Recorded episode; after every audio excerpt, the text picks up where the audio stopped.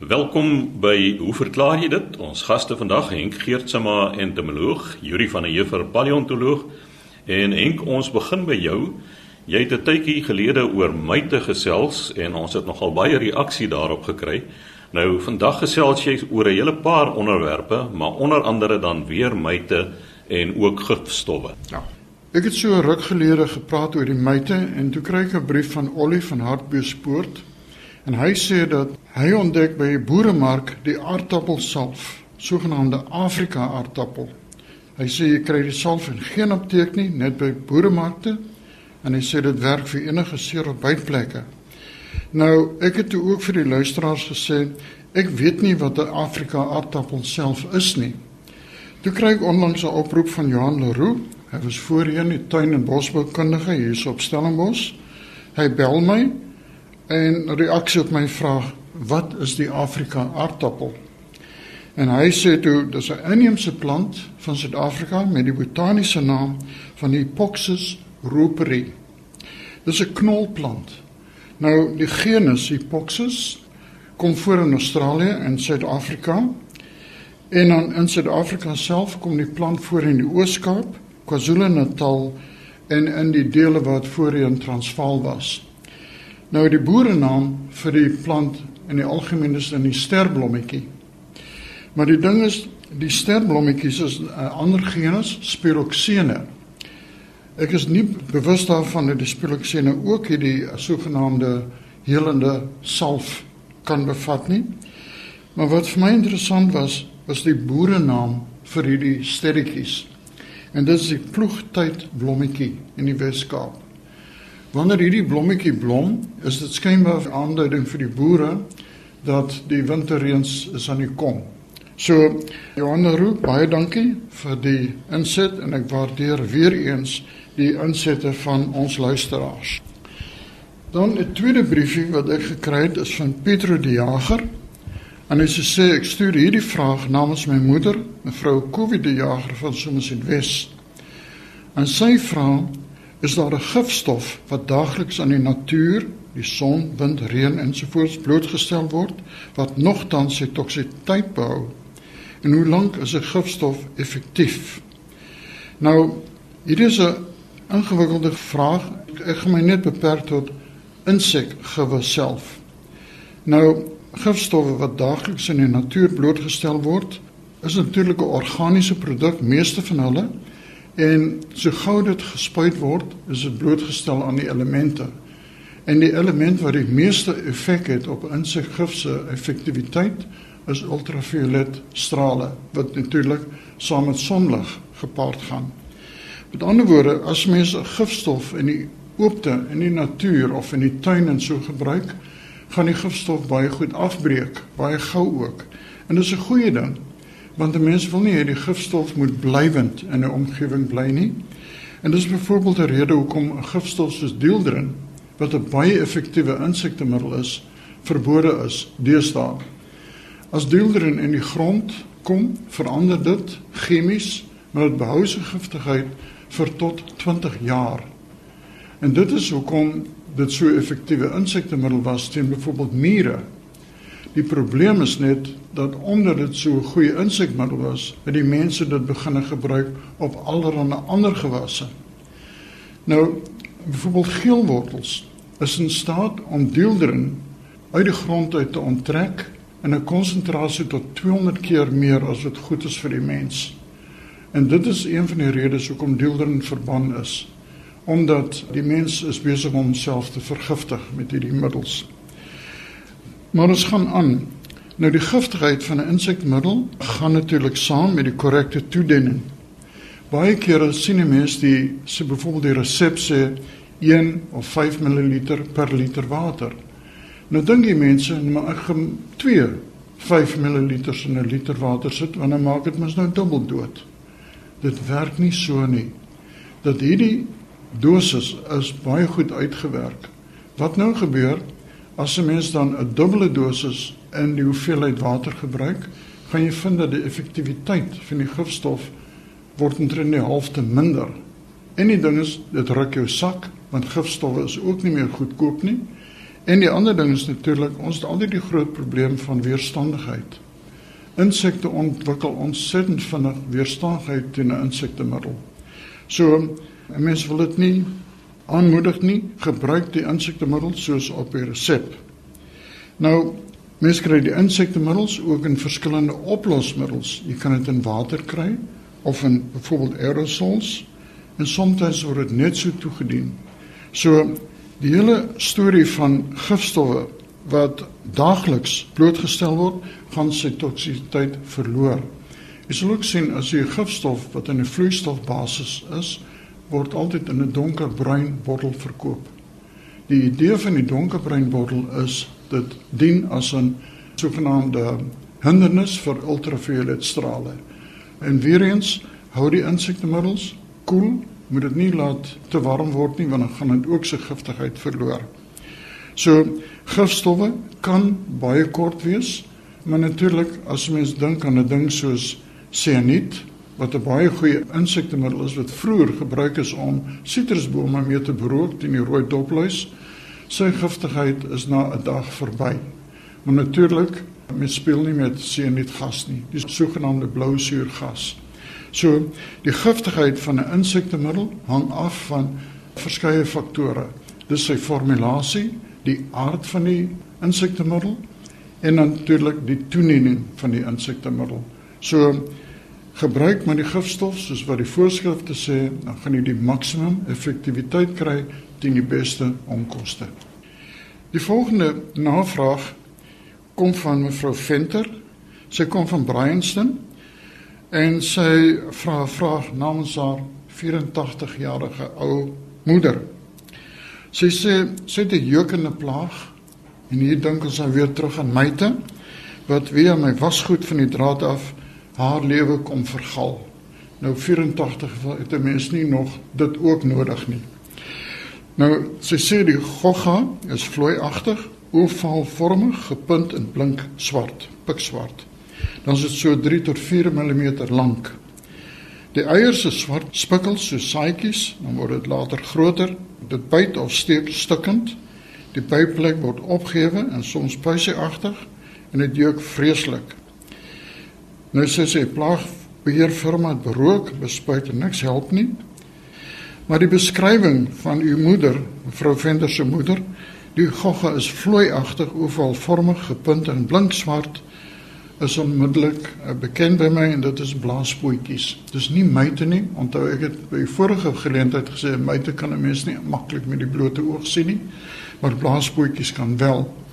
Nou blaaspootjies is plantsuigende insekte wat in die lente en die somer volop voorkom en baie kere word hulle aangelok na die wit van byvoorbeeld wasgoed.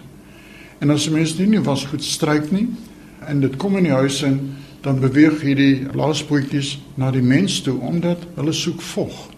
En baie keer in die lente en somer as dit warm is, dan kry jy mes dat selfs al loop jy in die tuin rond, dat hulle op jou arm gaan sit om van die vog op te neem en in die proses byt hulle. Nou wat ook interessant is van blaaspootjies, jy weet normaalweg dat insekte het 'n paar kake, met ander woorde 'n linker en 'n regter kaak. In die geval van blaaspootjies het hulle net een kaak en die kaak draai in die ronde rond. Met ander woorde, hy grawe as dit ware. En dit is waar die bytplek of die jeukplek vandaan kom. En natuurlik die opgehewenheid, die puisieagtige reaksie en so aan, is net 'n normale reaksie van 'n mens se liggaam teen enige vreemde stof waarmee jou vel in aanraking kom. Nou, dis 'n algemene dingetjie. So gou dit weer koeler raak, dan sal die probleem verby gaan. Maar dit is blaaspootjies. Blaaspootjies is baie interessant. Hulle behoort tot die groep insekte wat nie eintlik 'n papie stadium het nie. Maar die blaaspootjies het wel 'n papie stadium. So hulle so 'n tussengang tussen die insekte wat in hulle lewensloop 'n papie stadium het en die wat nie het nie. So blaaspootjies baie interessante groep. Tuinboukundig ook 'n baie belangrike groep. En natuurlik nou kan ons sien dat hierdie is ook vir die mens nie 'n aangename klein plaag nie vir alles wat groot getalle voorkom. Nou wil ek net sê, u moeder sê nou die eiers is swart spikkels. Dis nie eiers nie wat op die vel kom nie. Die swart spikkels is eintlik ekskreta van hierdie insekte. Moenie te veel bekommerd raak oor nie. As jy net 'n lappie vat met 'n bietjie alkohol en so aan, dan gaan die insekte VMS af en dood en die reaksie sal baie minder raak.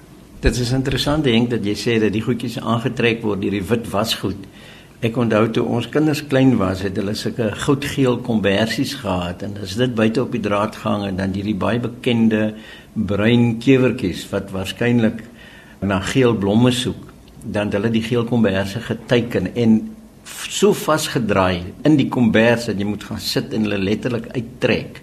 Ja, die kewertjies waarna jy verwys is sogenaamde bobbejaan kewertjies. Kyk as mense nou byvoorbeeld madeliefies het, casanias en dit tipe goed. Jy sal ook sien hulle grawe hulle self in die blombodem in. En hulle agterpote is baie goed ontwikkel, goed gespierd en so aan.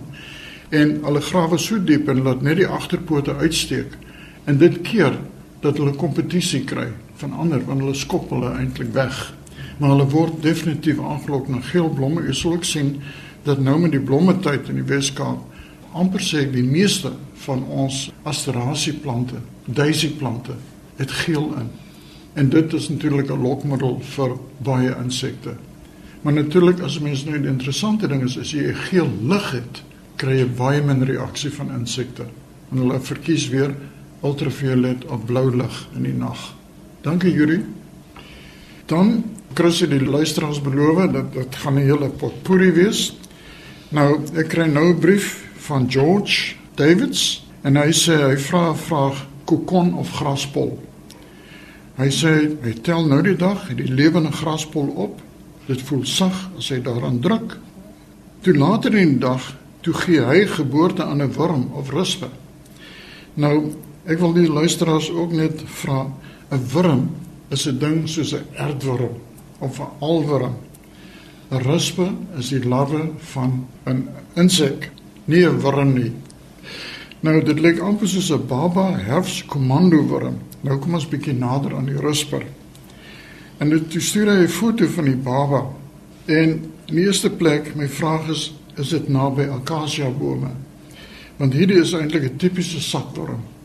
Nou die sakworm spin homself toe in 'n soort van 'n sakkie en omdat hulle nou groter beskerming soek, weef hulle van die plantmateriaal waarop hulle voed. Dit kan nou gras wees of stokkies of doringblare of wat ook al, weef hulle dan in die sakkie aan die buitekant in. Nommer 1, dit dien vir beter kamuflasie sodat voëls en so hulle nie so maklik kan oplet nie en natuurlik is ook ekstra beskerming. Nou, jy het hom nou opgetel. Nou van hulle word baie groot. Byvoorbeeld in die noorde van Namibië is dit eintlik 'n baie groot plaag vir beeste. Wat gebeur? Hierdie sakwurms, dis natuurlik 'n motse larwe. Die sakwurms vorm hierdie soos jy nou sê die lewende graspolle, maar in hierdie geval weef hulle dan die doringtakkies in die buiteomhulsel van die larwe in En nou kom die beeste nou wy hulle op die groeipunte van die doringbome. Nou kry hulle van hierdie larwes in. En dan as die bees nou 'n maagie vol het van hierdie larwes, dan los die maagsappe, los die sy waarmee die blare en die takkies gespin is op en dit vorm 'n bal en dit kan wees so groot soos 'n rugbybal naderhand in die bees se pens en die bees kan nie meer voedsel deurpasseer nie en dit is 'n baie groot probleem eintlik in die noorde van Namibië. Maar dit is eintlik net die larwe van 'n sakwurm. Die sakwurm is ook interessant, die mannetjie is gewoonlik vinnig vlieër, hy vlieg van die een plek na die ander terwyl die wyfie bly baie kere binne in die sakkie waar sy bevrug word. Sy paar met die mannetjie binne in die sakkie omdat hy sy aanhangsel in die sakkie in beweeg en dan lê sy die eiers binne in die sakkie weer eens vir beskerming van die kleintjies. Die kleintjies broei uit en wat 'n mens dan baie kere vind dat die kleintjies voed dan op die moeder wat intussen nie meer met ons is nie. Ons noem dit matriforus en so kry hulle eerste voedingsbron wel van hulle moeder af en dan versprei hulle, gewoonlik versprei hulle deur middel van die wind na ander plante toe. So George Davids, hierdie was net 'n sakworm en dis 'n redelike algemene verskynsel, maar omdat dit nie so opvallend is nie, het hy nou gedink dis 'n lewende graspol. So sê Henk Geertsma, ons entomoloog en Juri, daar's 'n luisteraar wat meer wil weet oor ons waterlewende voorouers. Dankie Chris. 'n Gereelde luisteraar, Jan Koetser van De Ben, het weer 'n vraag ingestuur en hy het kommentaar gelewer op 'n uh, vorige program waar ek verwys het na ons waterlewende voorouers en hy vra nou, wat was die aard van gemelde waterwesens en in watter verskillende lewende wesens het hulle in die evolusionêre proses gemanifesteer tot hulle beslag gekry het in die vroegste vorm van menslike wesens? naamlik Australopithecus. En dan sit hy so 'n sinnetjie by of is dit nog nie die wetenskaplikes antropoloë beskore om oor hierdie misterie menings te waag nie. Nou Jan, daar is baie menings daaroor en ek dink daar is ook baie feite daaroor want deur te kyk na lewende organismes kan 'n mens bepaal wat hulle verwantskappe is en hoe die taksonomiese inkleding werk. Ons kan byvoorbeeld in die veld gaan stap en dan 'n uh, sjimpansee en 'n bees sien en dit is baie duidelik dat ons nader verwant is aan die sjimpansee beide in vorme gedrag as aan die bees en die bees sal weer nader verwant wees aan ons as byvoorbeeld 'n vis. So daar's baie ooglopende kenmerke wat 'n mens vir jouself so 'n basiese, hoe sal 'n mens sê, 'n boere taksonomie kan uitwerk. Maar die bioloë en die fisioloë en die embrioloë en die genetici, die werk op 'n baie fynere veld en ons kan onsself nou beskou saam met alle ander diere wat geraamtes het tot by visse as uh, werveldiere, die sogenaamde vertebrata. So dis een ding wat ons bymekaar hou, maar daar's selfs 'n groter indeling As ons kyk na die soort kenmerke wat ontwikkel by die mens nog in die embriologiese stadium is voordat daar 'n wervelkolom in 'n geraamte ontwikkel word, is daar so 'n sagte jelly-agtige stafie wat in die liggaam ontwikkel as 'n baie vroeë soort geraamte om die liggaam nou stewig te hou dat hy nie op mekaar trek as die spiere saamtrek nie. En dit staan bekend as 'n chorda dorsalis. Nou dit bestaan by ons nog net in die embriologie waarna soos ontwikkeling aangaan die chorda nou verplaas word deur die soliede gedeeltes van die wêreld, die sogenaamde sentra van die wêreld en dan groei die wêreld nou omdat hierdie struktuur net onder die rugmurg en die brein lê, dan groei die been nou om die rugmurg. Nou daar bestaan vandag nog waterlewende diertjies wat nooit 'n wervelkolom ontwikkel nie. Hulle is nie vertebrate aan die sin nie, maar hulle het besit wel 'n chorda dorsalis, klein visagtige diertjies en hulle het weer ander kenmerke wat ons ook nog het, soos byvoorbeeld hulle besit 'n stert vir die totale lengte van 'n lewe. Ons het net 'n stert in die embrionale vorm. Hulle besit 'n rugmurg, hulle nog nie 'n brein nie, maar 'n rugmurg, 'n dorsale sentrale senuweestelsel wat nog in elk geval hol is, besit hulle wat ons ook besit. En dan het hulle baie unieke kenmerk en dit is dat hulle filtervoeders is en dan aan die voorkant van die diertjie hier naby die keelwyk het hulle sulke vertikale splete in die varingswyk. En die splete word ondersteun deur sulke stewige stafies weefsel. So die splete staan bekend as faringiale splete want dit lê in die varingswyk. Nou die interessante ding is ons het al daai kenmerke as embrio's. Ons het faringiale splete, ons het 'n stert wat agter die anus sit. Hulle praat daarvan as 'n postanale stert en ons het 'n sentrale senuweestelsel en ons het 'n chorda dorsalis. So as 'n mens nou dieper gaan kyk Jan, dan kan jy ons voorouers terugspeur tot in die water want dit is eintlik waar dit vandaan gekom het. So ons is geregtig om te sê dat ons het waterlewende voorouers gehad. Daar is eintlik nie veel van 'n misterie daaraan nie. En uh, die soort van ding is baie goed uh, gedokumenteer. Maar nou dit gaan selfs so ver terug dat daar ooreenkomste is selfs met ongewervelde diere in die water sodat ons vandag weet dat rooi aas wat ons gebruik om die vis te vang in die larvale stadium besit ook 'n chorda dorsalis. So mense kan hierdie goed terugspeur en terugspeur om 'n geweldige taksonomie uit te werk. Nou as ons dan moet praat oor wat jy gevra het, ons waterlewende voorouers was visagtig.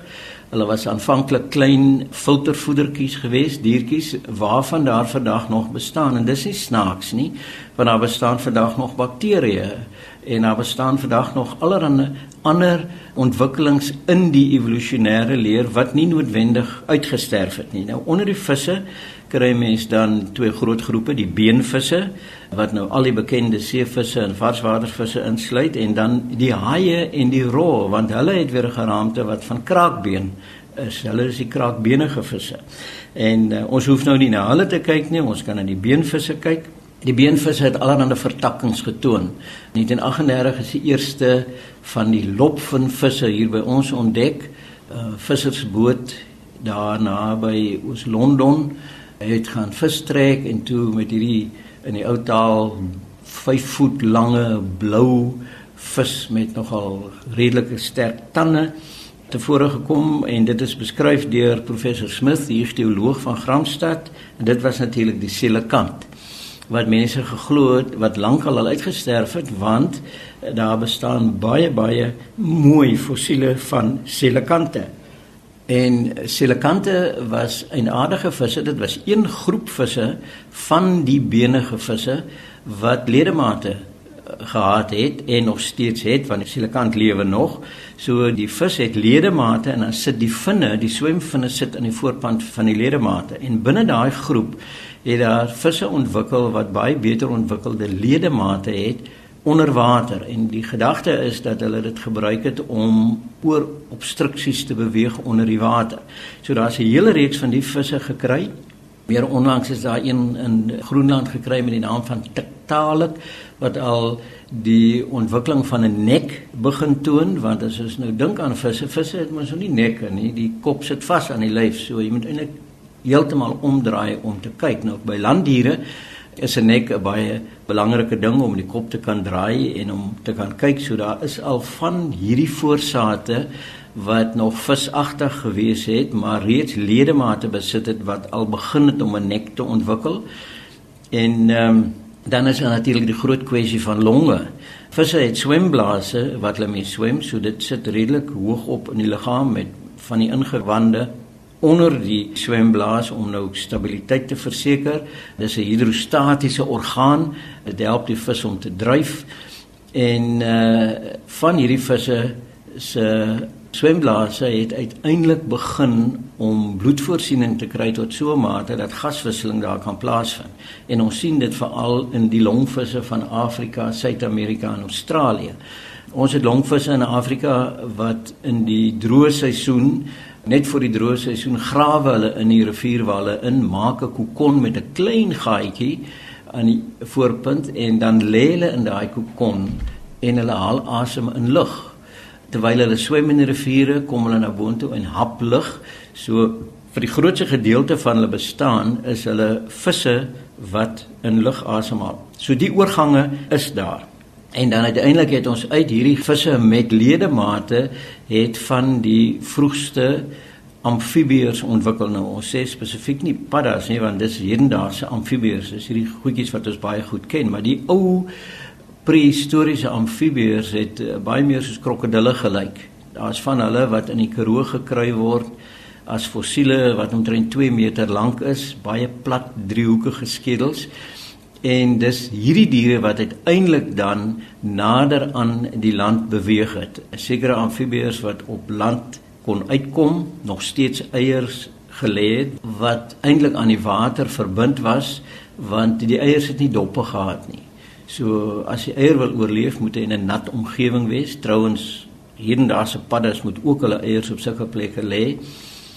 En uiteindelik het die groot deurbraak gekom toe die vroegste reptiele ontwikkel het redelike klein goedjies in die karboon so 350 miljoen jaar gelede waar jy 'n werveldier gekry het wat in staat was om 'n eier op land te lê. Nou ons praat van sulke eiers as kleidoïese eiers. Met ander woorde, dis eiers met doppe. Want nou het jy 'n uh, ontwikkelende embriootjie in 'n eier. Een van die groot probleme vir so 'n uh, eiertjie is uitskeiding en natuurlik waterbehoeftes. So as jy so eier op land gaan lê, gaan hy uitdroog en die kleintjie is dood.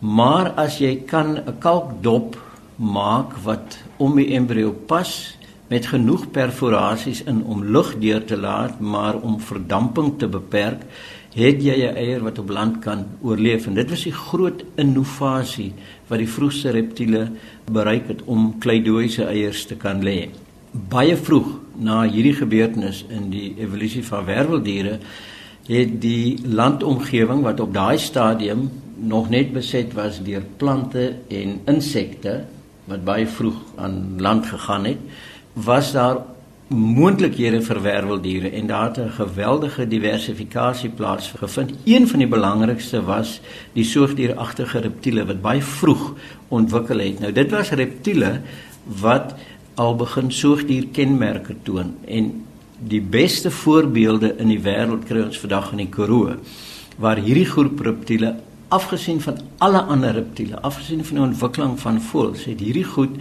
'n dominante landwerweldiergroep geword en wat ongelooflike variasie getoon het en geleidelik binne hierdie spesiale stamboom met een tak die kenmerke ontwikkel wat Jan wat jy nou oor praat van die eerste Australopithecus want as jy nou kyk na soogdiere baie vlugtig hare melk in die wyfies, maar in die skedel sit daar 'n hele klomp kenmerke. 'n Sekondêre verhemelte, so dis 'n harde verhemelte, so jy kan nou lekker daar in die klas na die onderwyser luister met 'n toemond terwyl jy 'n lekkertjie suig en asemhaal, want jou liggang en jou kosgang is geskei van mekaar af. En dis baie baie belangrik as jy 'n warmbloedige soogdier word want nou het jy hoë metabolisme en jy gebruik baie energie en jou voedsel wat jy inneem moet jy so gou as moontlik fyn maal sodat jy die energie daaruit kan onttrek. Dus so 'n benige verhemelte met nog 'n sagte verhemelte daar agter was 'n innovering om die kos in die liggaam te skei. En om daai kos te verwerk het jy baie spesiale tande nodig gehad. So terwyl reptiele min of meer almal dieselfde soort tande het of een soort tande in die bo en onderkaak het, hulle is homodont, het soogdiere heterodont geword deur snytande, slagtande en kiestande te ontwikkel om kos mee fyn te maal. So die kouproses het ontwikkel saam met die ontwikkeling van die sekondêre veemotor, saam met die ontwikkeling van die kakebeen want uh, as soogdiere, Australopithecus natuurlik ook in ons almal het 'n kakebeen wat uit een been bestaan, een been aan elke kant En by ons is die bene natuurlik nou versmelt, so jy het hierdie baie sterk wapen wat jy mee kan kou.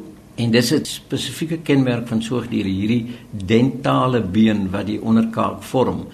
En dit het alles ontwikkel om die verwerking van voedsel te verbeter saam met 'n hele verskeidenheid ander goed. Nou uit die soogdieragtige reptiele het die eerste soogdiere ontwikkel. Daaruit was van die vroegstes hier in die omgewing van toe die dinosourus uitgesterf het en die blomplante begin ontwikkel het, was boomlewend geweest, amper so groot soos eekorings. En hoekom hulle bome toe getrek het is juis weer oor die insekte want met die opkoms van die angiosperme, die blomplante, het dit die insekte natuurlik gelok en as jy wil insekvretend is, dan moet jy agter die insekte aangaan en hierdie diertjies het boomlewend geword en daaruit het die hele klomp goed ontwikkel. Die vermoë om stereo te sien, om diepte te sien, die vermoë om gryphandjies te ontwikkel om aan die takke vas te klou en dit het vir ons 'n uh, hele afstammingslyn gegee waar ons voorsate vandaan gekom het uit die water uit op land en Jan Ek hoop dit het jou vraag beantwoord en 'n bietjie die gordyn van die misterie weggetrek. So sê Yuri van der Heever, paleontoloog. Skryf gerus aan ons by hoe verklaar jy dit? Posbus 2551 Kaapstad 8000 of stuur 'n e-pos aan chris@rsg.co.za www.co.za